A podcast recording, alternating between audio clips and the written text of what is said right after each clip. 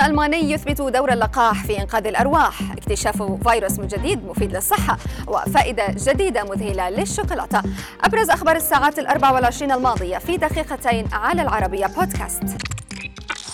تأكيدا على دور اللقاحات الكبير في إنقاذ المصابين بكورونا من موت محتمل. ذكر مركز مكافحة الأمراض في ألمانيا أن التطعيم أنقذ حياة أكثر من 38 ألف شخص في البلاد.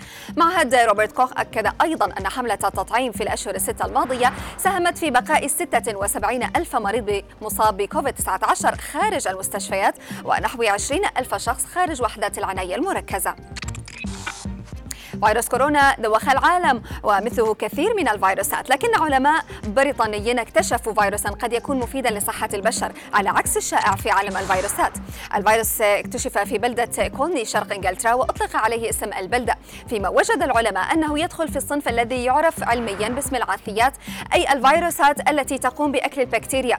ويرجح الباحثون أن يكون مفيدا في مقاومة عدوى تصيب أمعاء الإنسان. من المعروف أن لنظام الصيام المتقطع فوائد كثيرة لكن دراسة علمية حديثة كشفت عن فوائد غير متوقعة لهذا النظام. الدراسة وجدت أن حرمان فئران خضعت للتجربة من الطعام ل 48 ساعة ساهم في تحييد البكتيريا المسؤولة عن فيروسات المعدة والتي تدخل الجسم عن طريق الفم. حددوا فائدته أيضا في تخفيف أو القضاء على البكتيريا السالمونيلا المسببة لالتهاب المعدة والأمعاء. خبرنا الأخير صار لعشاق الشوكولاتة حيث توصل باحثون من جامعة ليفربول إلى فائدة جديدة لتناولها. يمكن أن تساعد الأشخاص في منتصف العمر على ممارسة الرياضة وإعطاء نتيجة مثالية قبل التمارين.